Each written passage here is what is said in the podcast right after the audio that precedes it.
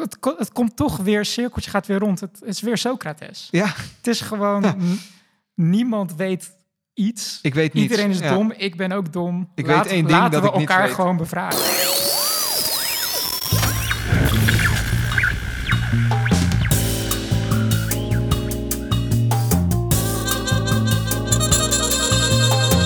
De Zeepkast. Opgenomen donderdag 12 augustus 2021. Welkom allemaal bij aflevering 79 van De Zeepkast. Jouw bron voor al je science, technology en popculture. Tegenover mij zit David. En tegenover mij is het Sander. Yo, yo, yo, David, what's up? Can you dig it? Can you dig it? Een beetje een gekke intro zo, maar Wat een Ik vertelde- intro weer. David net dat ik eh, aan het werken ben aan mijn carrière als MC. Ja. Dus, eh, Je moet wat, hè? precies. En hoe gaat dat? Het werken aan je carrière? Als? Eh, de- nog niet zo goed. nee? Ah, Nee, nee, ik heb nog geen. MC-klussen. Eh, ik heb het eigenlijk net bedacht. Wat zou je willen MC'en dan? Nou, ik heb er wel eens over nagedacht. Wat mij heel leuk lijkt, is niet per se MC'en. Het lijkt mij wel leuk om ehm voice-over werkzaamheden te doen. Serieus, dat je, Ja. weet veel, een, een, lees, een leesboek voor mij nou. Dat is Ja. wel echt, om een boek in te, in te spreken of zo, dat lijkt Ja. me oprecht heel leuk. Ja, weet je, weet je wat je dan moet doen? Nou, Een Dungeons Dragons party eh, join. nou serieus, lijkt me echt, echt heel leuk om te doen. Het enige is, ik zat laatst een beetje te, te klooien. Weet je hoe moeilijk het is om een andere stem dan je eigen op te zetten? Je, hoort, je ziet wel stemacteurs en Ja. allemaal van die gekkers. Je het is alsof het hun beroep is. Je hebt misschien twee of drie stemmetjes in je en dan houdt het echt op. Je kunt Ja. echt niet heel veel verschillende stemmen opzetten. Dat moet je echt oefenen. Dan moet je echt gaan, gaan inleven. En dat, eh, dat, is, dat, dat is bijna een beroep inderdaad. Ja, bijna. ja. Bijna. Dus maar nee, maar serieus, voice-overs doen of zo, dat lijkt me echt best wel leuk. Maar eh, Go for it, Ja. zou ik zeggen. Dus eh, dit, eh, deze aflevering, welk stemmetje ga je opzetten? nee, dat gaan we niet doen. Nee, nee, nee, nee, nee. Ik ben daar ook echt heel slecht in. Ook het nadoen van accenten en zo, dat, eh, dat is niet mijn ding. Maar Ja. het, het lijkt me wel heel leuk om een voice-over te doen ooit voor iets. Misschien dat ik ooit een boek ga inlezen of zo. Een boek, dat lijkt me trouwens... Ik luister de laatste tijd vrij veel luisterboeken. Ehm, eh, want ik ben weer voor 30% forens. En dan denk ik ook van, jeetje man, dat is zoveel werk volgens mij. Om, eh, ik bedoel, het editen van een podcast eh, is al takken veel werk. Laat staan een, he- een heel lu- luisterboek. jeetje. Ja, want er zit ook geen us Nee. of a's of het is allemaal, het, is allemaal- loopt. Het is Het allemaal, geëdit hoor. ja, precies. Maar ook als je dat En gewoon meer, en meerdere takes, denk ik ook. En Ja. dat, dat maakt het vooral ik denk dat het een boek ook wel een beetje verpest Ja. of zo. Want als jij, Eh, nee, maar serieus, moet je je voorstellen dat je een boek moet inlezen en dat je dan zes keer hetzelfde hoofdstuk moet gaan voorlezen. Oh ja, qua... Ja, zes is wel heel erg veel. Nou, ja, ja, dat, dat kan beter, maar eh, ja, dat lijkt me wel, eh, wel Ja. pittig. Ja, heavy. Over, hè, dan heb ik misschien gelijk een eerste tip. Ik heb, naar aanleiding van jouw eh, tip voor Project Hill Mary, Mhm. Nee, het is, het is een beetje een, een soort Inception ding. Hè, jij gaf de, de, de tip voor Project Hill Mary. Nou, Project, mij, Project Hail Mary van Andy Weir. ja, de schrijver van The Martian. Die heb je een aantal weken geleden al gegeven. Mhm. Toen zat ik laatst bij met Nerds om tafel en daar zat ook Ruurt, Ruurt Sanders. Nou, die Mhm. luistert ook de Zeepkast en die had, ik denk naar aanleiding van jouw tip, Mhm. heeft hij dat boek als audioboek gelezen. En heeft hij dat toen weer getipt in, bij met Nerds om tafel om dat als audioboek te luisteren. Dus dat heb ik toen gedaan. Hè. Als ik nou twee vrienden heb die dat alle twee aanraden, dan moet ik er maar eens mee beginnen. En dude, je moet echt ook nog een keer het audioboek luisteren. Want het is echt super nice gedaan. De, kan me voorstellen. ja, ja, jij weet gelijk wat ik bedoel, of niet? Ja, ja. Eh, ja. Want ik, kijk, ik kan dat nu niet tijdens We de kunnen het niet aflevering spoilen, maar Maar ehm, tijdens het lezen van het boek... God, hoe ga je dit zeggen zonder te spoilen? Trouwens, ja, dat, dat kan bijna niet. Ja, nou ja, telepathisch snap je wat ik bedoel. ik, ik snap wat ik jij ben heel bedoelt. benieuwd hoe ze dat gedaan En hebben. mensen in die het boek hebben gelezen, die snappen ook wat ik bedoel. Ja. Ben je er nog niet aan begonnen? En ben je normaal een lezer? Probeer dan dit boek ook een keer als audioboek. Want het was echt... eh, ik vond het heel vet. Dus, eh, Ik, kan me, ik, ik heb het niet gehoord, maar ik heb het boek dus wel gelezen. en ik, kan, ik kan me heel erg indenken dat het boek zich ontzettend goed leent voor een eh, luisterboek. Ik kan het zo eh, na de aflevering wel even laten horen. Ik heb het op mijn telefoon Cool. staan. Dat is echt, eh, echt heel vet. Dat terzijde, daar gaan we het vandaag voor de rest niet over hebben. Eh, Hmm. Ik heb ook eh, ja, ik heb nog wat tips, maar we kijken wel of we daar aan toe komen. Ja. Deze afgelopen tijd is best wel wat te doen. Ik heb nog een, eh, een eh, follow-up Een follow-up. van oh de ja, vorige aflevering. Want toen, we was- worden heel professioneel zo. Follow-up. ja, follow-up, zo gaan we dat noemen. Die term jat ik gewoon van de ATP-podcast. Ja. vorige aflevering was best wel een soort van eh, eh, nerd culture heavy met eh, Magic the Gathering en Ja. Dungeons Dragons en zo. En bij het, het, het deel van, eh, van Magic the Gathering, dat kaartspel, ik zat erover nadenken van volgens mij hadden we dat echt super slecht uitgelegd. En, eh, Ja, jij hebt het gevoel dat we jou, hè, jouw nieuw gevonden passie geen recht hebben aangedaan met onze aflevering. Ja, misschien zou je dat zo kunnen zeggen. Op, op zich vond ik het eh, ehm, dat we helemaal into die eh, kleurensysteem gingen en zo. Dat vond ik heel leuk. Maar dat, dat slaat niet per se op de game zelf. Nee, dat is waar. En ehm, ik, eh, afgelopen tijd ben ik weer Cortex aan het luisteren. Eh, podcast van eh, eh, CGP Grey en Mike. Ik ben zijn achternaam vergeten. Mike, punt. Mike, punt. Cortex. Best een heel leuke, hele leuke podcast. En CGP Grey, die vertelde dus daarin dat hij dus de laatste tijd, je raadt het al, helemaal verslaafd is aan Magic the Gathering. En ik denk van, oké, toffe toeval, zeg maar.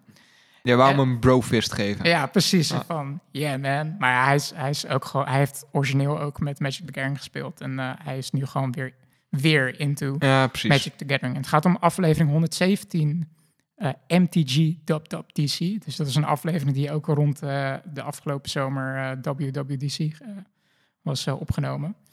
En ik geef hem gewoon even als tip mee, want ik vond dat hij het echt vet goed uitlegde waarom Magic the Gathering zo'n bijzonder kaartspel is. Mhm.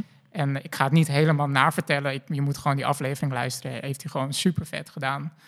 Maar hij legt dus bijvoorbeeld uit dat, dat dat kaartspel zich gewoon heel goed leent voor mensen die ook gewoon een beetje een soort van programmer mindset hebben. Die zeg maar. gecompartimentaliseerd kunnen denken eigenlijk. Nou ja, die gewoon meer denken van eh, eh, een soort van. Nou, nu ga ik het alsnog proberen uit te leggen. Maar even doe een notendop. Een soort van optimalisatie van toffe combo's maken en dan een soort van self-replicating algorithms. Want het ding is, Magic the Gathering bestaat uiteindelijk uit 20.000 kaarten met superveel mogelijkheden en variabelen. En dat spel is zo enorm complex geworden. En op een gegeven moment had hij het dus ook over eh, dat het spel, dat noemt hij dan Turing complete is. En wat de, ter- de term Turing Alan complete, Turing. Ja, wat hij daarmee bedoelt is dat, dat je een soort van kan programmeren binnen de spelregels van het spel, zeg maar. Dat je dan een soort van Ja, mini-softwareprogramma's kan Ah, schrijven. wat, wat hij eigenlijk zegt, je gaat een deck bouwen als speler. Hè, dus Ja. met een x aantal kaarten. En je gaat eigenlijk je deck ga je als programmeur opbouwen. eh, met constant sequences die je Ja. kunt aflopen om... Ja, exact. een doel En, te bereiken. eh, ja, en het gaat dan nog veel verder, want hij eh, haalde dan ook als een voorbeeld. Ik ben het alsnog niet aan het uitleggen hoor, want hij, hij, haalt nog, hij legt nog veel meer dingen uit. Maar eh, bijvoorbeeld in Minecraft heb je van die redstone eh, Mhm. ehm, dingetjes. Dus dan kan je een soort van signaalpaden maken en aan-uitschakelaars maken en zo. En met die redstone kan je dan uiteindelijk computers en rekenmachines maken. Maar op zich is die redstone in Minecraft dus wel bedacht als een soort programmeertaal door de Mhm. makers van Minecraft. Nulletjes en eentjes introduceren, eh, precies. on, off state. Ja. Ja. In Magic the Gathering, omdat het kaartspel zo complex is, is dat soort van ontstaan en niet bewust gemaakt door de, door de makers van Magic the Gathering, waardoor je dus situaties kan krijgen eh, waarin je bijvoorbeeld games kan hebben die in feite nooit stoppen, omdat die, die kaart elkaar constant voeden en, en de tegenstanders zijn een soort van equally balanced, zeg maar, met allerlei algoritmes die elkaar triggeren en afvuren, dat je gewoon bijna niet meer hoeft te spelen en dat die kaarten uit zichzelf soort van acties aan het uitvoeren zijn. Zo complex kan dat worden, zeg maar. En eh, ja, ik vond het gewoon zo vet hoe hij dat uitlegde. En het, wat ik uiteindelijk het ironische aan dit verhaal vind, is dat de aflevering daarna, aflevering 118, telde CGP Grey dat hij de aflevering terugluisterde en dat hij baalde dat hij het slecht had uitgelegd waarom Magic the Gathering eh, zo vet is. En toen dacht ik van, dude, nee, je hebt het hartstikke goed gedaan. Dus Ik had het super vet uitgelegd. Maar uit, ik kon hem ook wel begrijpen, want dat had ik vaak ook wel. Als ik dan bijvoorbeeld aflevering van ons ter- terugluister... en we hebben het over bepaalde onderwerpen... dan heb ik allerlei ideeën in mijn hoofd en dingen die ik wil vertellen. En die komen er dan soms tijdens die aflevering niet uit, zeg maar. Ja. En dan denk je na afloop van, ah shit, dat, dat dat- ben ik dat nog is- vergeten te vertellen. Dat is En, misschien eh, ook wel een, een, een les of zo, of, of een ding. En ik denk dat wij dat meestal goed begrepen hebben. Maar Ja. ik vind vaak onze afleveringen waar het minst voorbereiding in zit, die nemen vaak een, een bepaalde afslag. Hè? Om- omdat Ja. je niet allemaal punten hebt die je wilt maken, heb je ook niet het idee dat je een bepaald pad moet volgen in je verhaal. Snap je wat ik bedoel? Mhm. Als je van tevoren heel erg gaat nadenken en je hebt heel veel passie voor iets en je gaat bedenken, nou, dit wil ik vertellen, dit wil ik Mhm. vertellen. Ja, dan wordt echt een spreekbeurt. het Precies, nou ja, de- los van spreekbeurt, dan kan je ook, eh, dan, dan ben je al zo in een bepaalde hoek geduwd. En eh, binnen onze podcast leent zich dat denk ik ook gewoon niet zo goed. We moeten echt totale vrijheid hebben om een soort talking points list te maken, vervolgens linksaf te slaan en helemaal Ja. niks meer aan te raken van wat we bedacht hadden. Ehm, en, en vaak de aflevering waar we dat niet hebben, dan, eh, dan, dan is dat toch wel wat zoeken hoe je binnen de lijntjes blijft. Ja. Het vinden we gewoon moeilijk om binnen de lijntjes te kleuren, David. Ja, klopt. Ja. Maar ik vond het gewoon heel grappig om eh, dan te, te horen van een mede-podcaster. En hij is natuurlijk eh, honderd keer groter dan ons. Maar goed, op zich doet dat er ook niet toe. Maar dat hij dus ook met dat gevoel zat. Dat hij daar ook mee worstelde. Dat hij daar ook mee worstelde. Dat herken ik wel heel erg, zeg maar. Maar goed, om een lang verhaal kort te maken. ehm, Gaat het luisteren als je het leuk vindt. aflevering 117 van, van Cortex. Eh, een heel leuk verhaal over ehm, iemand die vertelt waarom Magic the Gathering zo cool is op een soort nerdy computer science niveau, zeg maar.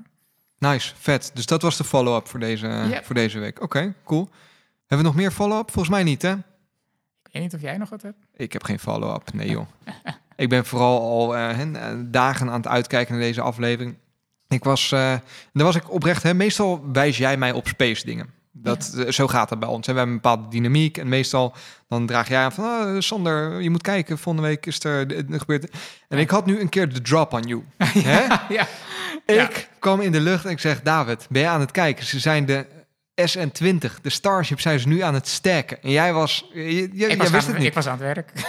Heb je me aangezet? Ja, hè? Ja, natuurlijk heb ik me aangezet. Dude, ik heb gewoon mijn iPad ernaast aangezet. Ja. Ik weet niet waarom, maar ik vond dat een van die momenten, misschien nog meer dan een hoop van de launches, maar een van die momenten dat ik echt het idee had dat ik history in the making aan het kijken was. Dat ik echt aan het kijken Want was wat naar... is er gebeurd? Want je hebt wat losse termen erin gegooid. Ja, SN20. sorry. Ik, eh, nee.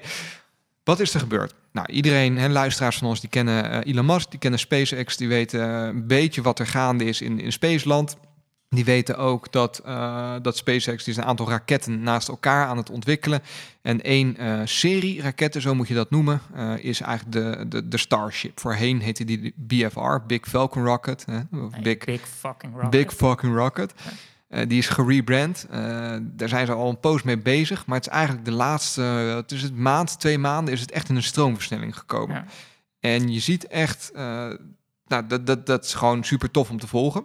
Je ziet dat er eigenlijk momenteel niet zoveel contenders zijn in het maken van grote interstellar raketten. Dus raketten die, nou, nou niet interstellar, dat gaat, maar gewoon nee. raketten die de mogelijkheid hebben om naar de maan te vliegen. Ja. Ja, nou goed, je moet niet vergeten dat uh, China en uh, India en Rusland, die zijn, die zijn echt wel bezig hoor. Alleen.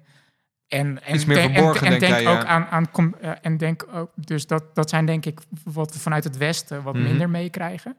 En daarnaast op, op uh, commercieel vlak, en dat is wel echt nieuw, want Mhm. voorheen waren het echt alleen maar regeringen die naar de ruimte konden, uh, heb je natuurlijk, hoe heet ze, de Electron in, in uh, Nieuw-Zeeland. En uh, ja, toch Virgin Galactic die pas... eh, Niet in space is geweest. het zijn geen astronauten. kilometer. Nee, nee. En Blue Origin, die naast een space tourism ook... Ik vond het wel een, extreem triest hoor. ja. Dat ze dan beneden kwamen en zowel, Elon, of, zowel uh, Ja. Jeff Bezos als, uh, hoe heet die andere wappie uh, van Andere Virgin, wappie. Dat, dat ze dan wings Ja. opgespeld kregen. En dat dat dus niet Ja. officiële wings zijn, maar gewoon niet- van hun eigen Precies, bedrijf. ja. doen. Ik wil het daar verder niet Ah. over hebben, maar ik wil gewoon aangeven dat er gebeurt heel veel.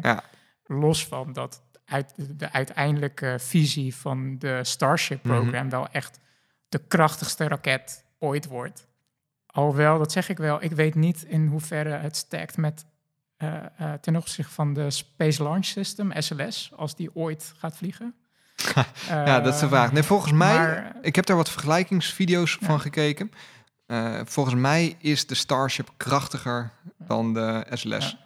Maar goed, ze hebben compleet andere ca- capabilities. Dus dat, dat, dat is natuurlijk ook niet geheel onbelangrijk. Dus er worden maar momenteel... er, er gebeurt wel heel veel. Maar wat zo bijzonder is aan SpaceX is hun tempo en hun manier van werken. En dat is denk ik waar we het een beetje over willen gaan hebben. Want het is eigenlijk gewoon agile met raketten. Nou ja, dat, dat, is waar, dat is waar ik heen wil. Maar als eerste wil ik nog eens een case maken voor... eh, ik zou het zo tof vinden, en dat is langzaam een beetje aan het gebeuren... maar als we wat teruggaan naar hè, de jaren 60... waarin ruimtevaart echt weer gepopulariseerd is, waarin je, hè, je komt op je werk en iedereen heeft het erover. En Ja. deze shit matters. Dit is echt belangrijk. En er is- lopen nog zoveel mensen rond die, Ja. Eh, die, zich oprecht... En, en ik ben ook bang dat hè, de, de, de endeavors van... eh you see what I did there? Ja. Van, eh, van, van, van, van die multimiljonairs die zichzelf omhoog... dat dat een beetje kwaad bloed zet Ja, juist. En daar- niet bijdraagt aan de... Ik snap wat je Want er is zoveel tof. En ik wil dus even pitchen. Er zijn momenteel gewoon een aantal kanalen die je kunt volgen. Ja. Ga nou eens de tijd nemen om gewoon op, op YouTube te kijken of je een keer live kunt kijken naar zo'n gebeurtenis. Op het kanaal NASA Spaceflight. Die zenden live uit. Je hoort een aantal enthousiastelingen vertellen over wat er gaande is. Je kijkt drie, vier uur naar een stilstaand beeld waar niet zoveel gebeurt. Toch is het super awesome. Want ze vertellen je hoe zo'n raket in elkaar zit, waarom het belangrijk is. Ze weten het al. Het is gewoon, moet je ervaren. Ga dat een keer doen. Ook als je Ja. anti-raketten bent, ga dat kijken. Het is echt amazing. Anti-raketten, nice. Daarnaast heb je, hè, je hebt eigenlijk twee YouTube-kanalen die ik, die ik vrij veel volg, die echt amazing zijn. Dat is Everyday Astronaut. Die maakt gewoon filmpjes van vaak meer dan een uur, waarin die gewoon echt deep dived in, maar wel begrijpelijk eh, in, in, in zaken waarin die uitlegt hoe vervuilend zijn raketten nou echt. Ja. En dat heeft hij onderzocht, dat doet hij helemaal uit de doeken. Ik geloof dat het neerkomt op eh, dat van de totale uitstoot 0,00005 procent Hmm. Af, afkomstig is van alle raketlanceringen wereldwijd. Zoiets. Maakt niet uit, spoiler. Ga dat kijken. Dan heb je Jeff Manley. Scott Manley heet Sc- het, toch? Sc- Scott Manley. Ja, nou goed. Sander en namen, je kent het ondertussen. Het, er gebeurde echt iets in mijn hoofd van... Ja. Scott Manley. Ja. Die, eh nou, Fly safe. Fly Safe. Die, die heeft ook echt geweldig materiaal. Ga dat soort kanalen nou gewoon eens een beetje volgen. En ga er een beetje geïnvesteerd in raken. En dan zie je hoe, eh, wat, wat een enorme wereld er voor je open gaat. En ook hoe belangrijk het is dat dit allemaal gebeurt. En dat, daar wil ik even een case voor maken. Hè? Gewoon de, de popularisatie van, eh, van, En- van, van het... En afgelopen week ben ik dus dankzij jouw appje live gaan kijken naar hoe Starship Ascent Serial Number 20 Booster 4. Omhoog getild werd door de, door de grootste kraan ter wereld op booster number 4. 420. 420, Ja. hahaha. En eh, Starship is 69,5 meter hoog. Of tenminste, die, dat, De die booster is cilinder- of de 69,5. booster, ja. En de Starship, dat, is- dat, dat is gek, hè? Ze noemen het bovenste stukje noemen ze Starship. De hele constructie noemen ze Starship. Ja. En alleen de booster noemen ze dan De booster. booster, ja. Het is eh, af en toe met SpaceX van je knippert. En ze zijn opeens veel verder dan ik dacht dat ze waren. Ja, ze Want de zitten- afgelopen tijd schoten ze dus die, die prototypes eh, de lucht in Ja. om te kijken of ze konden landen. En eh, op een gegeven moment is het gelukt. En ze, oké, dit is gelukt. Precies. we gaan die nog een keer proberen. Gewoon volgende fase. Let's go. En dat, is een beetje, hè, programmeurs zullen dat herkennen, maar een beetje de, de, de, de agile denkwijze. Hè? Dus Ja, het, het, dat moet je even uitleggen. hè, Maar John. agile, dat is eh, een beetje een hype-term die links en rechts ook wat gekaapt wordt. Maar Ja. het is een filosofie waarbij je eigenlijk hè, voor softwareontwikkeling, waarbij je eh, een aantal regels hebt. En je hebt verschillende agile een framework en daarbinnen heb je dan weer verschillende eh, methodieken. Scrum is de meest bekende, denk ik. Mhm. Ehm, en er zijn gewoon een aantal regels in hoe je zo snel mogelijk werkende software kunt opleveren. Ja.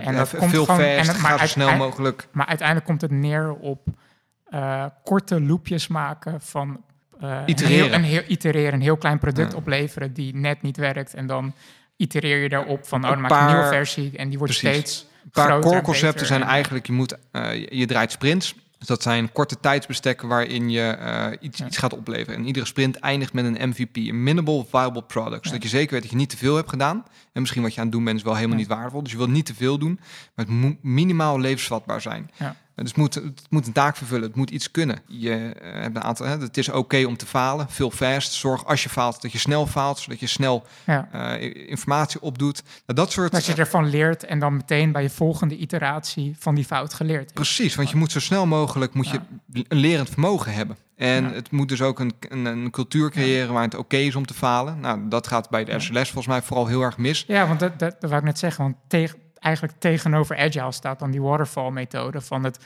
elk moertje en boutje of in software elke feature en knopje volledig uitdenken en uittekenen.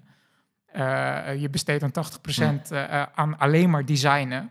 En dan het laatste deel ga je dat hele programma dan maken. Of je gaat dat hele, die hele auto of die hele raket dan in één keer maken. Wat En als die dan niet werkt, dan heb je wel echt een probleem. Want je hebt al Hm. zoveel tijd in je design gestopt. Als je, als je kijkt naar eh, Agile, wat een van de belangrijke concepten daarin is, is eigenlijk de driehoek van time, scope en budget. Ja. Dus tijd, geld en wat ga je maken. Dus wat, wat ga je maken, wat gaat het kosten en hoe lang gaat het duren? Ja.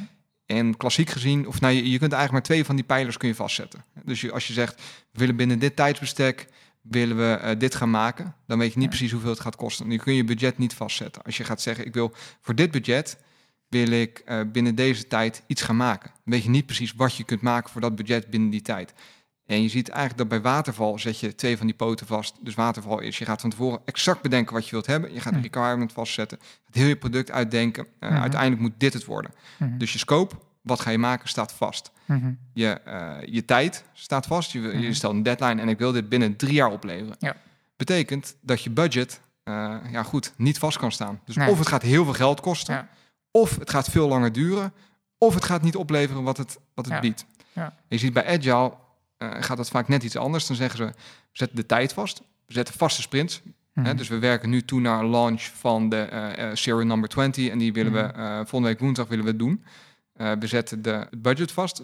We hebben een vaste Mhm. tijd. We weten hoeveel we werk we daarin gaan verzetten. Dus dit is wat ongeveer gaat kosten. En de scope, we weten nog niet precies wat we Ja. in die tijd kunnen opleveren. Maar het moet Ja. een minimal viable product opleveren. En als je op die manier werkt, dan kun je dus veel sneller achter elkaar Precies. Itereren, nieuwe versies van een product opleveren. En dat is precies wat eh, SpaceX, Ja. waar ze heel goed in zijn. Ja. Je ziet dat dat heel goed werkt. En dat zie je, eh, eigenlijk alle, alle grote softwareproducenten zijn hier goed in. Mhm. Dat is de reden dat die nu zo effectief zijn. Het is misschien wel leuk om, ja, leuk. Ik weet niet of leuk het goede woord is met eh, wat ik wil aandragen, maar als je nu hoe SpaceX te werk gaat met, met de Starship program, als je dat legt tegenover de Space Shuttle program van NASA in, Mhm. in de jaren 80. In feite is die, die Space Shuttle helemaal ontworpen door ook gedeeltelijk con- Congress en eh, allerlei requirements. En dat hele ding is gemaakt. En eh, vervolgens komen ze achter signif- ja, significante designfouten. Maar eigenlijk was het al te laat om het echt op te lossen. En dat had ook tot gevolg dat, dat er gewoon echt men- mensen ja. zijn overleden eh, vanwege crashes. Met Dat was eh, Colum- Columbia. of zo? Ja. Dat is één van de voorbeelden. Een O-ring, dat ik weet het niet meer exact uit mijn hoofd hoor, maar dat zijn een soort van rubberen ringen die. Waarvan ehm, bekend was dat die los gingen laten. nou, die, die, die, eh, Los konden laten, die bevroren, waardoor ze met de tijd broos werden. En dat had uiteindelijk tot gevolg dat, ik weet niet meer uit mijn hoofd welke shuttle, misschien Columbia of Challenger. Volgens mij was het Challenger, Challenger inderdaad, was het, inderdaad ja. uit mijn hoofd. Challenger Die is disaster. daardoor tijdens eh, het opstijgen, door het falen van een O-ring, is die ontploft. Terwijl ze eigenlijk soort van bekend was dat die O-ringen een probleem waren. Maar het hele Space Shuttle was al ontworpen. Een ander voorbeeld is de hitteschild van de, van de Space Shuttle. Die was sowieso door, die, door de vorm van een soort vliegtuig was die extreem complex. Elke tegel was bijna uniek om die vorm te kunnen maken. Dus Eh, een aan de hitteschild is aan de, aan de buik van de Space Shuttle. Ja. Is eh, alle zwarte schildjes die zorgen dat Ja. de hitte op het moment dat je terugvliegt... eh, zorgt dat die niet in je shuttle komt. Dat je die hitte de baas kunt Ja. en dat zijn tegels. Ja, dus dat is dat, tegen de wrijving, tegen de atmosfeer als je terugkomt op aarde, dat je dat overleeft, zeg maar. En daar is dus toen ook een, een ramp mee gebeurd, dat er bij het opstijgen een aantal van die tegels beschadigd waren geraakt. Waardoor ze eh, bij het terugkeren naar de aarde eigenlijk opgebrand zijn in de, in de dampkring. En Dat was de Columbia. ja, en waar dat door kwam, die tegels die raakten beschadigd bij het opstijgen, omdat de shuttle met zijn buik tegen de booster aanzat. En er konden een soort van deeltjes van de booster en zo, die konden naar beneden vallen en zo, en die raakten de tegels. Dus het was achteraf gezien veel logischer eigenlijk om de shuttle met zijn rug tegen de, booster. tegen de booster aan te plakken. Zodat de, de, de hitteschild naar buiten eh, gekeerd was. En dus minder kans was voor eh, rondvliegend puin eigenlijk tijdens de lancering om tegen de hitteschild aan te knallen. En dat zijn van die dingen waar je achteraf achter komt. En wanneer je het hele ding al ontworpen hebt, dat het dan eigenlijk nog te laat is om voor dat soort oversights te corrigeren. En wat je nu ziet dus met SpaceX, die zijn gewoon hele soort van minimal viable product eh, raketten aan het maken om achter deze issues te komen, wat je pas weet als je gaat vliegen. Ik, ik vond het ook wel mooi. Hè? Je hebt nu zo'n een soort videoserie, ook een aanrader Ja. van eh, Everyday Astronaut. eh, waarin die in eigenlijk drie filmpjes van een uur door Elon Musk door de faciliteit gelopen wordt bij... Zo, zo, even, even interjection. Wat een bizarre tijd dat gewoon een YouTuber door de CEO van SpaceX gewoon over het terrein wordt gelopen en eh, door een tent. Dat, dat zelfs de niet YouTuber gescript. zegt van, Ja. oh shit, eh, je zag een hele rij met allemaal motoren. Oh, dit mag ik niet filmen. Eh, Elon zegt van, ah joh, I don't care. Als je dit wil kopiëren, doe je best. Ja. Je, dat Ja. soort, denk van, wow, dat binnen, binnen NASA en government programs zou dat echt nooit kunnen, dit. En dat is zo vet. Ja, hij weet toch, we ja. itereren hierop. Dus de versie die je hier ziet, is over twee weken is die anders. Is die exact. nieuwer, is die beter, is die... Ja. Niemand kan ons bijhouden, want wij gaan zo snel. Dus eh, prima, kopieer het maar, we don't Ja. care. Precies, en dan even een voorbeeld van ehm, de Space Shuttle, die dus helemaal een soort van eh, uitgedacht was. En dat je Mm. achteraf achter problemen komt. Als je dan kijkt naar, naar SpaceX, die schiet dan een eh, Starship 10 kilometer de lucht in en dan kijken of ze kunnen landen. Nou, die, die mist dan en die ontploft. En dan kwamen ze erachter van, oh, de header tanks die hadden te weinig druk. Dat is een designprobleem. We hebben nog niet direct een oplossing, maar een tussenoplossing is daar helium inspuiten, zodat er meer druk is in de tank. Is niet het uiteindelijke oplossing, maar dan kunnen we in ieder geval testen of het concept van landen werkt. Zeg, dat soort denkwijzes is echt het is- eigenlijk best wel een unicum binnen deze industrie. En het is Het, zo het is ook wel mooi om te zien hè, dat eh, mensen die, die dit niet direct snappen, die niet het, eh, bekend zijn met deze manier van ontwikkelen, daar, daarvoor lijkt het van, nou, NASA die is van alles aan het bouwen. Aan de andere kant zie ik die, Ja. die clowns van SpaceX, die zijn Ja. maar dingen in de lucht aan het schieten en het ontploft constant. Ja. We zijn niet mee bezig. Terwijl ja, en dan staan er weer ergens op de NOS een kop van SpaceX laat het raket exploderen. Ja. En ineens... er is weer een SpaceX. Een half jaar later hebben die gasten een werkend model, terwijl de. SLS heeft in de tussentijd eh, niks gepresteerd. Ja, goed. En dat, ja. dat, ja, dat vind ik wel mooi om te zien. Ja, zeker. Maar het is misschien wel leuk om even, hè, want in die, die filmpjes die we net al een aantal keer gepitcht hebben van Everyday Astronaut, daar zit een heel leuk stukje dat ik even wil uitlichten. En dat is namelijk, eh, daarin eh, vertelt Elon Musk ook zijn design philosophy, oftewel hè, of engineering philosophy. Dus als je als engineer Vijf, vijf stappen, ja. ga je iets bouwen, wat moeten dan de stappen zijn die je volgt om tot een succesvol product te komen? En die vond ik echt heel tof Ja. bedacht. Ik weet niet of hij het aan de his head daar bedenkt, of dat hij, volgens mij is het wel zou echt zijn, zomaar kunnen, maar ja, geen idee. En dat, nou, dat is echt wel een, een, een toffe filosofie die ik op zich persoonlijk ook wel meer zou willen, willen aanhangen. Of zo. Ik zie helemaal voor me, je hebt nu heel die, die, die, die vibe van ehm, al die agile denkwijzes en die worden overal verkocht en dan kun je trainingen in volgen. En Dan Eh, krijg je de Elon-methode. hoe vet is het als jij nu gewoon een product gaat ontwikkelen en je gaat zeggen, ik, ik heb gamification gemaakt van eh, het leren eh, agile ontwikkelen aan de hand van SpaceX materialen. Dus hè, wij, wij zijn met z'n allen zijn we een, een, een, een team die gaat raketten bouwen en we gaan itereren en dat gaan we doen aan de hand van hoe dat toen Ja. met SpaceX ook is gegaan. Ja. Volgens mij kun je daar zoveel uit leren als je dat proces een beetje volgt. Dat terzijde. Ja. De, De, de vijf stappen, even Precies. heel kort. Zullen ze eerst gewoon eens even alle vijf doorlopen? De eerste is make the requirements less dumb. Oftewel, Over zo'n heerlijke zin. Precies. Dus maak de, de requirements, Nederlands woord, Ja, maak de, je, je vereisten. vereisten, ja. precies, je, Ja. je, je gebruikerswensen of je hè, maak die minder dom. Ja. Try very hard to delete the part process. Dus je moet constant bezig zijn om alles wat je bedacht hebt ook weer eraf te halen, weg te halen. gewoon weg te snijden. Precies. Ja. Hij zegt, eh, wat hij in die interview uiteindelijk zegt, is als je niet 10% van de tijd nieuwe dingen aan het introduceren bent in je design, dan betekent het dat je te weinig weg aan het halen bent. Dus dat is twee. Drie is simplify en optimize the design. Dus maak het Ja. constant ook simpeler en optimaliseer het. Ja. Maar vooral optimaliseer. En dat is interessant, dat dat pas, pas de derde stap is. Vier, accelerate cycle time. Dus Ja. die cycles waar we het net over hadden, die korte sprints of die korte iteraties, versnel die.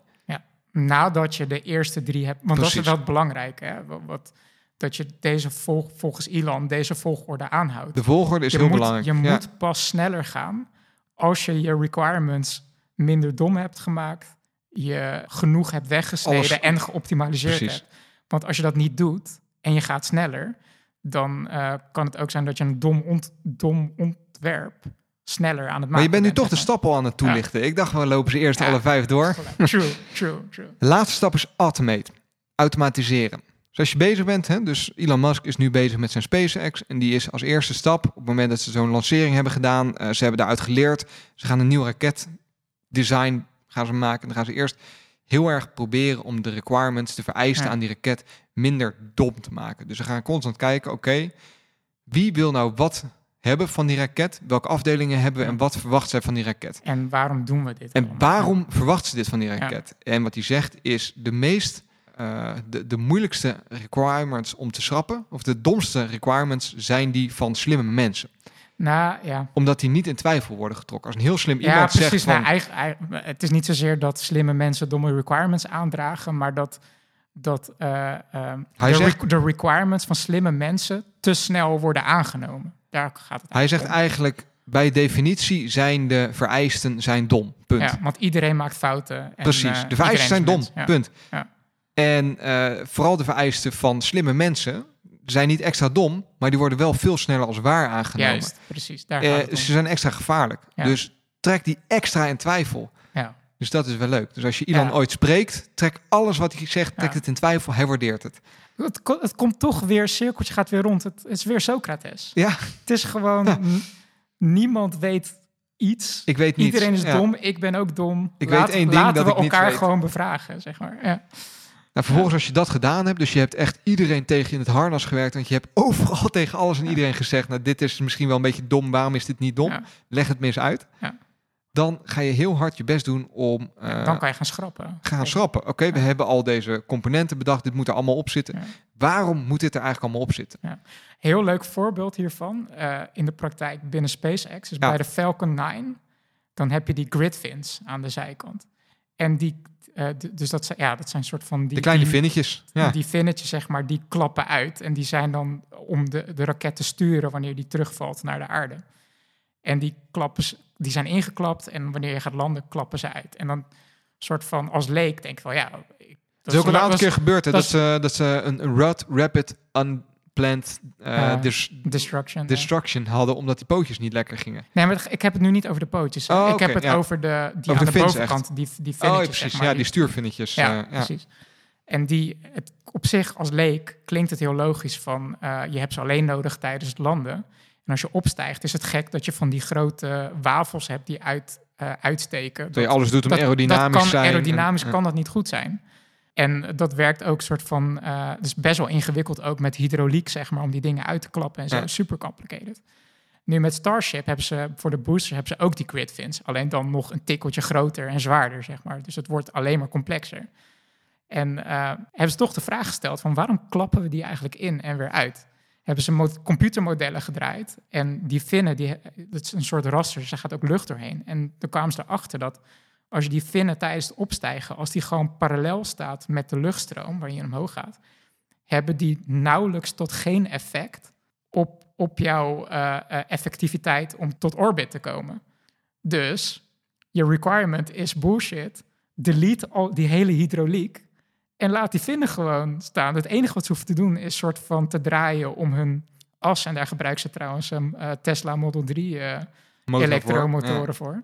Het is super genius, zeg maar, uiteindelijk, om gewoon zo op deze manier te optimaliseren. Hij, hij vertelde ook een voorbeeld hè, dat ze bij de, de, de Tesla op een gegeven moment hebben ze de, de batterij onderin liggen. Eh, Ah ja, en ze hadden een soort, eh, ja, een soort schild tussen de batterij en de onderplaat. Ja. En eh, nou, daar waren ze al heel lang mee bezig. En dat is ook Ja. want het was de bottleneck in de robotfabriek binnen Tesla. Precies. Van eh, de, die de hele lijn daarvan liep, liep los, geloof ik. Nee, niet dat per se, maar het was gewoon...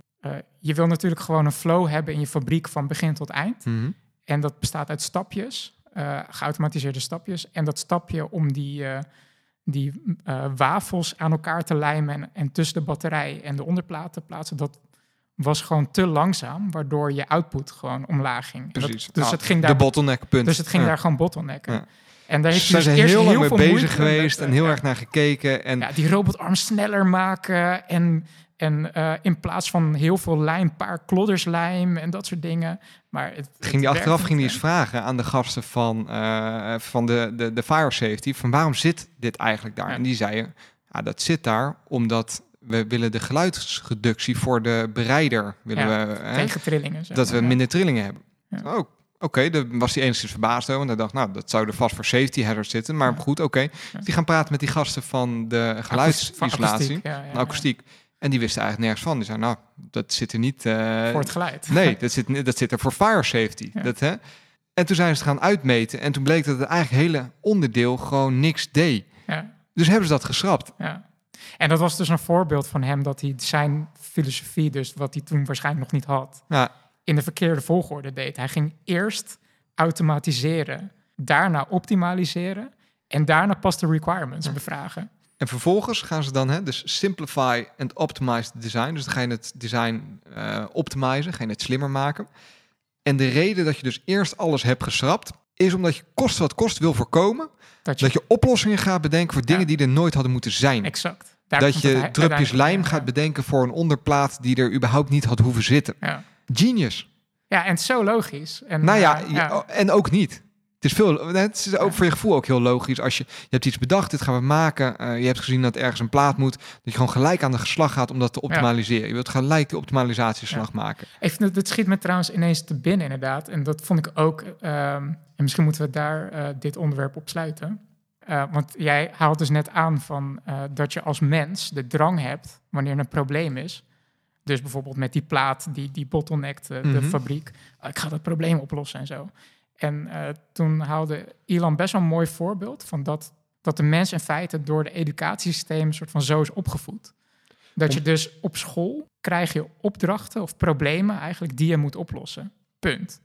Wat niet acceptabel is op school, is dat je de leraar vraagt van, ja, maar waarom moet ik dit probleem oplossen? Of dat je, Accept Dat je- authority. Ja. ja, dus dat je je krijgt een opdracht en dat moet je probleem en moet je oplossen. En Elons punt daarmee is dat, dat, dat hij zegt dat we daarmee soort van geconditioneerd zijn om eigenlijk heel braaf, wanneer er een probleem op ons pad komt, eh, meteen in de oplossingsmodus en optimaliseermodus te schieten.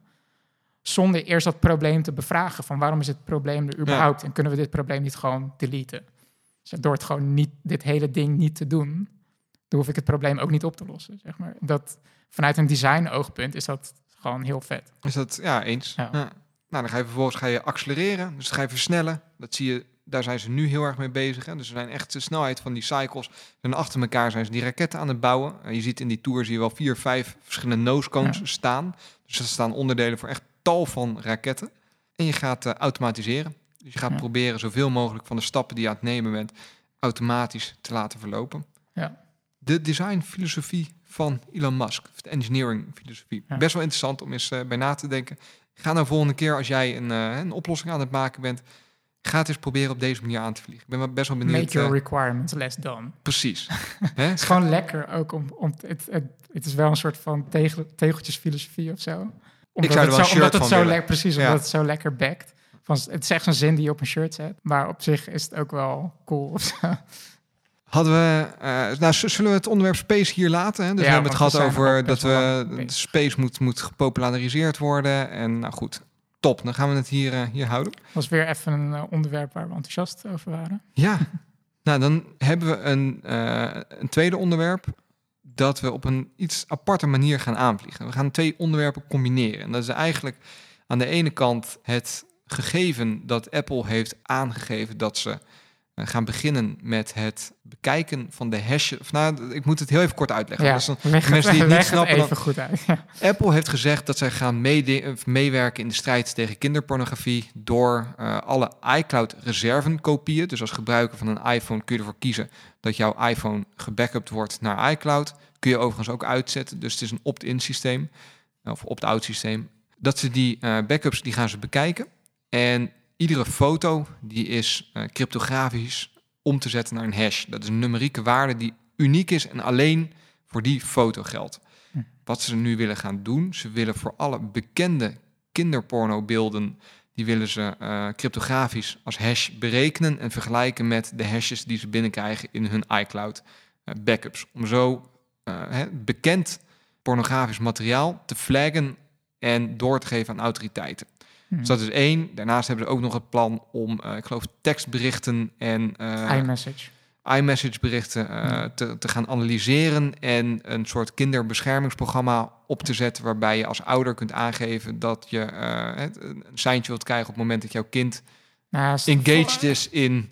Nou, ik, weet, ik weet er nog te weinig van af. Maar wat Mhm. ik ervan begreep is dat dat tweede... Want het zijn in feite twee aankondigingen. Ja. Dus dat eerste wat je inderdaad uitlegde met eh, het, eigenlijk het scannen van eh, iCloud eh, backups op kinderporno. Mhm.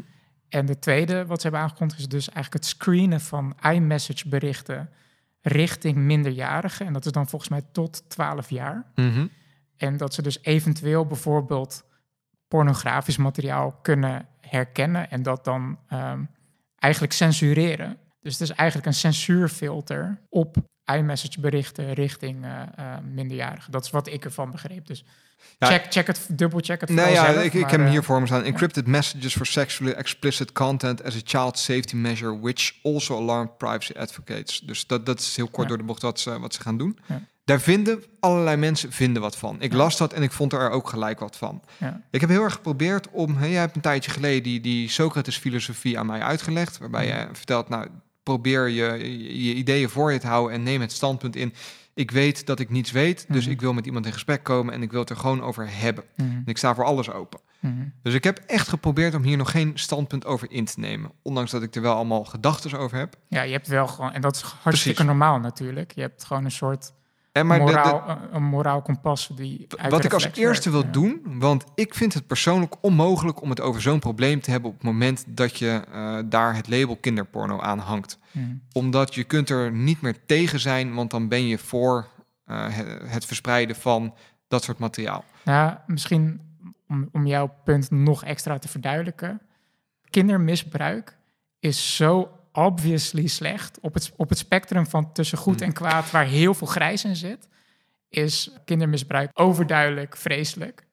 Eh, en dan, waar we dan bang voor zijn, is dat, dat wanneer je dus dit soort eh, morele, ethische dingen probeert eh, te bevragen, omtrent de keuze die Apple nu doet, ehm, dan wil je niet het risico lopen dat er een misverstand ontstaat over, over, over wa- wat je. Ja, precies dat. En ik vind ook, je, je kunt het er bijna niet meer over hebben. Omdat er zo'n, het speelt zo in op een soort primal fear. Ja, Eh, dat, dat, dat hijjackt zo erg bepaalde gebieden in je hersenen dat mensen daar ook niet meer eh, logisch redeneren op, op kunnen maar eh, redeneren. dan wil, wil ik gelijk daarop doorgaan. Want op zich is het interessant dat wij beide al meteen ehm, voorzichtig zijn. En ik had persoonlijk, eh, want we, we spraken elkaar vanmiddag telefonisch. En ik, ik wist van, van, van dit onderwerp eh, niet dat het oh, omtrent de zeepkast, maar meer gewoon in het algemeen.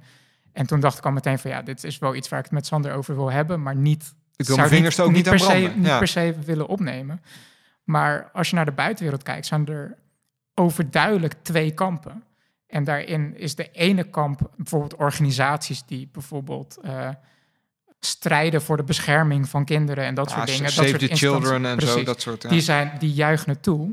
En eh, meer civiele organisaties, of hoe moet je het zeggen, Privacy, privacy-georiënteerde eh, organisaties, die zijn fel tegen. Want die zien soort van weer de backdoor en de, en de floodgates die straks opengaan van mass surveillance. Van eh, nu scan je op foto's van. eh, eh, Ah, die zin scope creep. Je gebruikt Ja. het nu hiervoor. wie is, hoe is weten dat jij over, over, over een paar jaar niet door China de opdracht krijgt om op ander materiaal te scannen of op ander materiaal te scannen en daaraan aan, hey, de, je, je hebt de techniek in huis, dus het kan. Precies. Dus wat ik eigenlijk hiermee even probeer te zeggen is van los dat wij heel voorzichtig zijn, herken ik wel dat er in het openbaar debat dat privacyorganisaties helemaal niet bang zijn om hun vingers aan te branden. Die zeggen gewoon nee, ik ben hier gewoon fel op tegen. Dit is een inbreuk op privacy. En Ja. we zijn heel bang dat als dit in slechte handen ook valt, dat bijvoorbeeld eh, eh, regeringen die wat, wat, minder, het wat minder met privacy hebben, Mhm. Dat die eh, misbruik kunnen maken. Laten we systeem. voor, voor de sake of the argument, hè, want we gaan het er zo wel even over hebben. Laten we eh, zeggen dat we het, de casus iets omdraaien en dat we er gewoon van maken dat Apple scant op foto's waarop wapens te zien zijn. Mhm. Hè, dus Het maakt het wel makkelijker. Ja. vind ik zelf ook prettig om het er dan over te hebben. Dus los van alle redenering die erachter zit, laten we dat voor nu doen. Dan kunnen we een heldere, eh, dat- dan, dan, dan, dat praten we ook makkelijker. Dus laten we zeggen, eh, Apple scant op foto's die eh, wapens bevat, bevatten. Be- hè, en, en dat kunnen ze herkennen op een of Mhm. andere manier. Wat, wat, wat, wat zouden we daar dan moeten vinden? Laten we dat, hè, dus dat is de ene kant van het verhaal. Aan de andere kant wouden we dat dan afzetten tegen een, een boek waar jij onlangs in begonnen bent. Mhm. En dat is het boek, eh, ik heb hem hier ergens liggen, Frictie van Mirjam Ras. uh, R-A-S-C-H. Uh, frictie, ondertitel ethiek in tijden van dataïsme. Ja. Uh, en het, het, het, deed jou hier wat aan denken. Jij zag gelijk de brug, ja. omdat waar het boek op ingaat, je hebt hem nog niet uit, je bent nu op, nou wat is het, een kwart. Ja, zoiets. Ja. Ehm, maar waar het boek op ingaat is dat vooral technologie constant bezig is met het zoeken van oplossingen voor problemen. Terwijl dat misschien niet altijd gewenst is. Doe ik, doe ik het boek dan recht aan? Of? Ja, ten eerste geen idee of je het boek uh, daar uh, recht aan doet. Want ik, voor mijn gevoel zit ik nog in de intro. Ik zit inderdaad op een kwart. En, uh, dus ik kan alleen maar zeggen wat, um, wat mijn gevoel op dit moment is mm -hmm. over het boek. En toen wij vanmiddag met elkaar spraken en jij wierp op dat je het toch hierover wou hebben, uh, schoot me ineens te binnen van, ja, maar wacht, ik ben dit boek aan het lezen en dat raakte toch wel. Want de titel Frictie, wat ik er tot nu toe van begrijp, wat, wat Mirjam probeert te opperen, is dat ethiek en moraliteit bestaat ergens dankzij frictie. En ik zal maar even zeggen, de Silicon Valley filosofie en de, de technologie filosofie is eigenlijk is juist anti-frictie.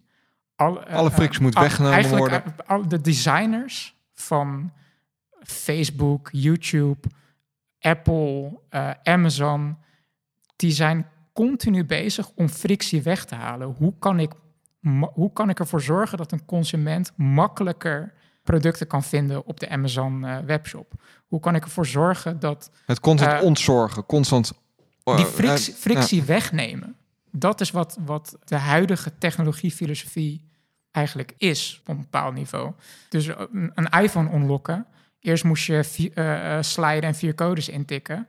Daarna moest je je duim op je, op je home button houden. Nu heb ik een, een Apple Watch op mijn pols. En wanneer ik een mondkapje heb, dan unlockt hij alsnog. Want hij herkent me via mijn Apple Watch. Zeg maar. Dus dat is een soort van lijn richting frictieloosheid. En dat is een soort van obsessie uiteindelijk uh, uh, richting technologie, uh, van, van technologie ja. uiteindelijk. Dus, technocraten um, en het, het ja. is bijna een religie om constant, constant optimaliseren. Exact. De... En um, dus een van de voorbeelden wat zij oppert is dat het, het, het, is bijna een soort plicht van technologie om problemen proberen op te lossen. Het wordt dan het solutionisme genoemd, zeg maar altijd tot, alles tot, willen oplossen. Tot ja. het punt van problemen oplossen die er eigenlijk niet eens waren. De, de, de video deur, deurbel bijvoorbeeld. Ja, oh, ja precies. Ja. En wat ik. Um, en, de, en dus dat is de technologiekant. Het, de, de frictieloos design.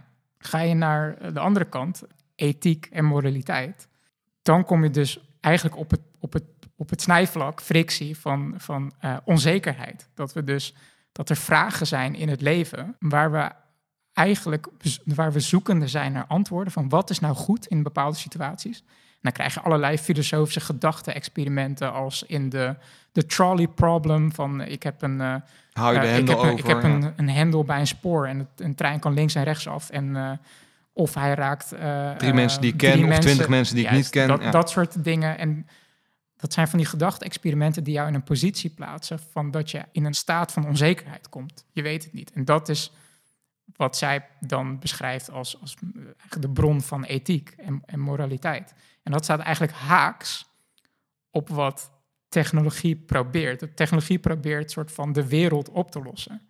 En dan is soort van de, een van de boodschappen die ik nu uit het boek haal, is dat zij uh, dan oppert van stel dat het technologie zou lukken om alle problemen in de wereld op te lossen, dan is er geen wereld meer. Dan is er geen, geen dan verliest de, de betekenis van wat het is om mens te zijn, zeg maar, verdwijnt dan, zeg maar. Want dan.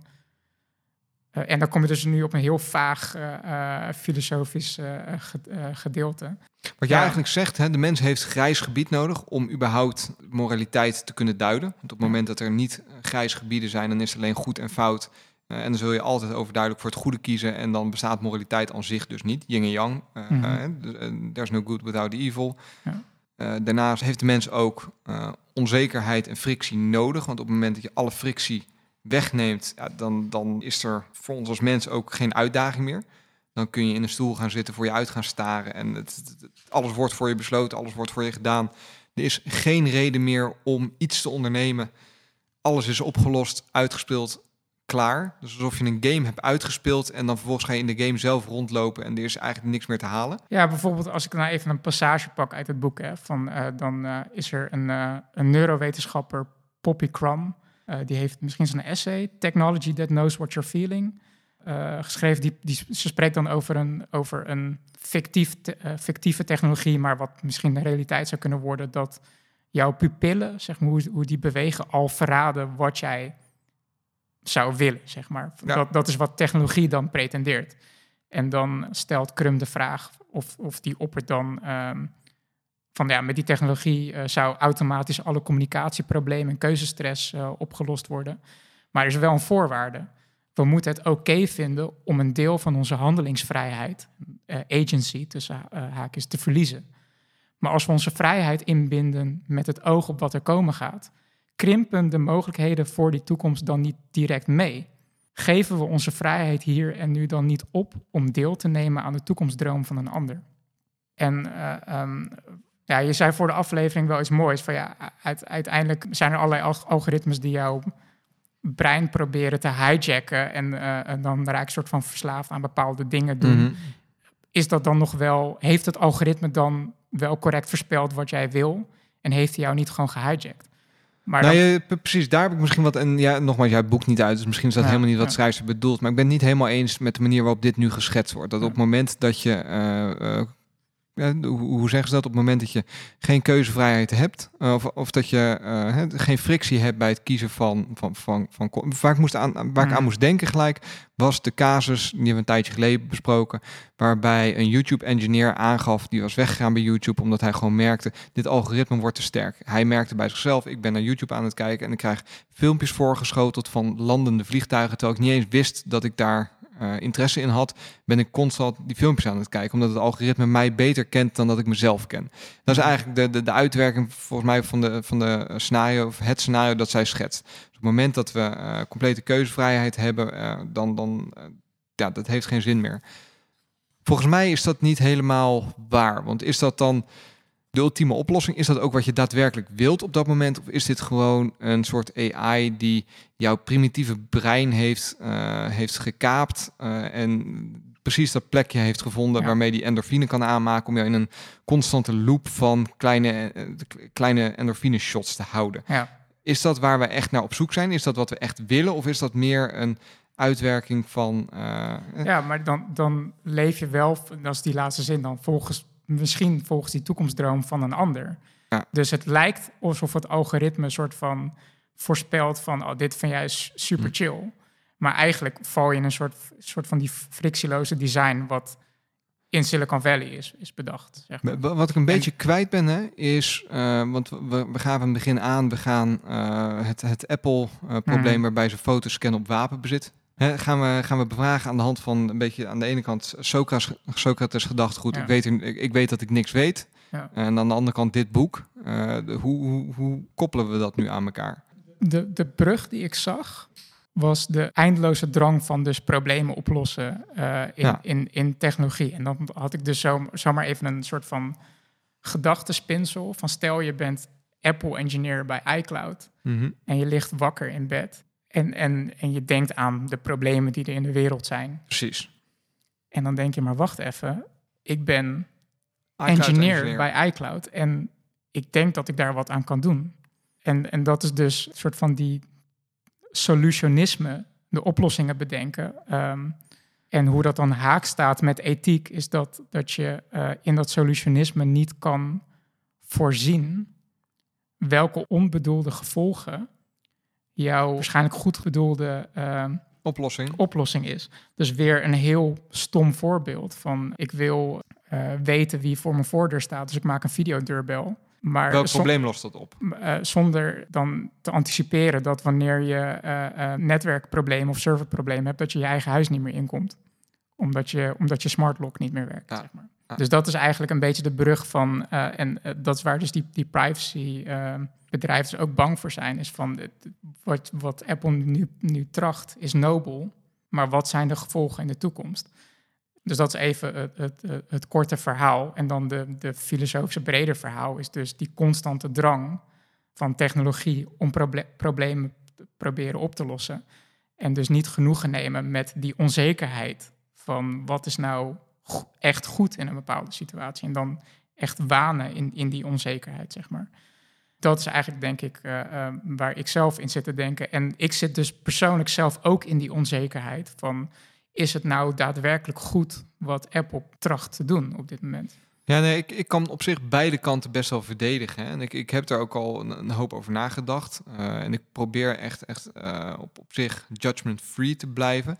Merk wel dat ik een bepaalde kant opgetrokken wordt. Ehm, maar wat je op zich terecht zegt, er moet ieder probleem met techniek opgelost worden. Moeten we dit op deze manier gaan inzetten? Eh, moeten we dat wel of niet willen? Ik vind het sowieso interessant, ook in, in een soort van een persoonlijke ontwikkeling, zal ik maar even zeggen. Dat, zeg maar, vroeger was ik altijd enthousiast over technologie. En ik wil bijna zeggen, naarmate ik ouder word, wordt dat steeds genuanceerder, zeg maar. Want ik begin ook steeds meer te, te herkennen, zeg maar, dat techno... Ik gebruik nu steeds het woord technologie als een heel abstract begrip, hè. Maar dat bewust of onbewust technologie dus een soort van frictieloze hemel probeert te creëren. Terwijl een van mijn favoriete songlyrics is... eh, ehm, Heaven is a place where nothing ever happens. Dus op een gegeven moment, als je die hemel gecreëerd hebt, dan gebeurt er niks meer. En dat is wel die wereld waar, mooi, hè? waar technologie naartoe Ja. wil. in, in die serie The Good Place, dan zijn we op een gegeven moment in heaven. En heaven is ook Ja. hel, want eh, ja, wil je iets prima, het is er. En het is... En dat is trouwens ook het boek waar we het over hadden van ehm, The Metamorphosis of Prime Intellect. Precies, Precies. het, precies hetzelfde onderwerp. Eh, die Prime Intellect heeft een frictieloze wereld gecreëerd. En de hoofdpersonage in dat boek, die wordt daardoor helemaal lijp. En die gaat dan juist op zoek naar die frictie en die creëert de Death Games. Ja, ja eens. Ja, ik, ik ben wat aan het zoeken hoe we dat dan nu kunnen linken. En, en misschien dat we die discussie gewoon los Nee, moeten ik laten. wou net zeggen, ja. want dit is dus eigenlijk mijn hele punt, Ja. is dat we... ehm, wij gaan hier niet bepalen of wat Apple nu aan het maken is, of gemaakt heeft en gaat introduceren met iOS 15, of dat nou daadwerkelijk goed is. Ik denk dat we puur aan het observeren zijn dat, dat er zijn mensen voor, er zijn mensen tegen, er zijn obviously goede dingen hier aan, maar we weten ook niet wat het in de toekomst gaat brengen.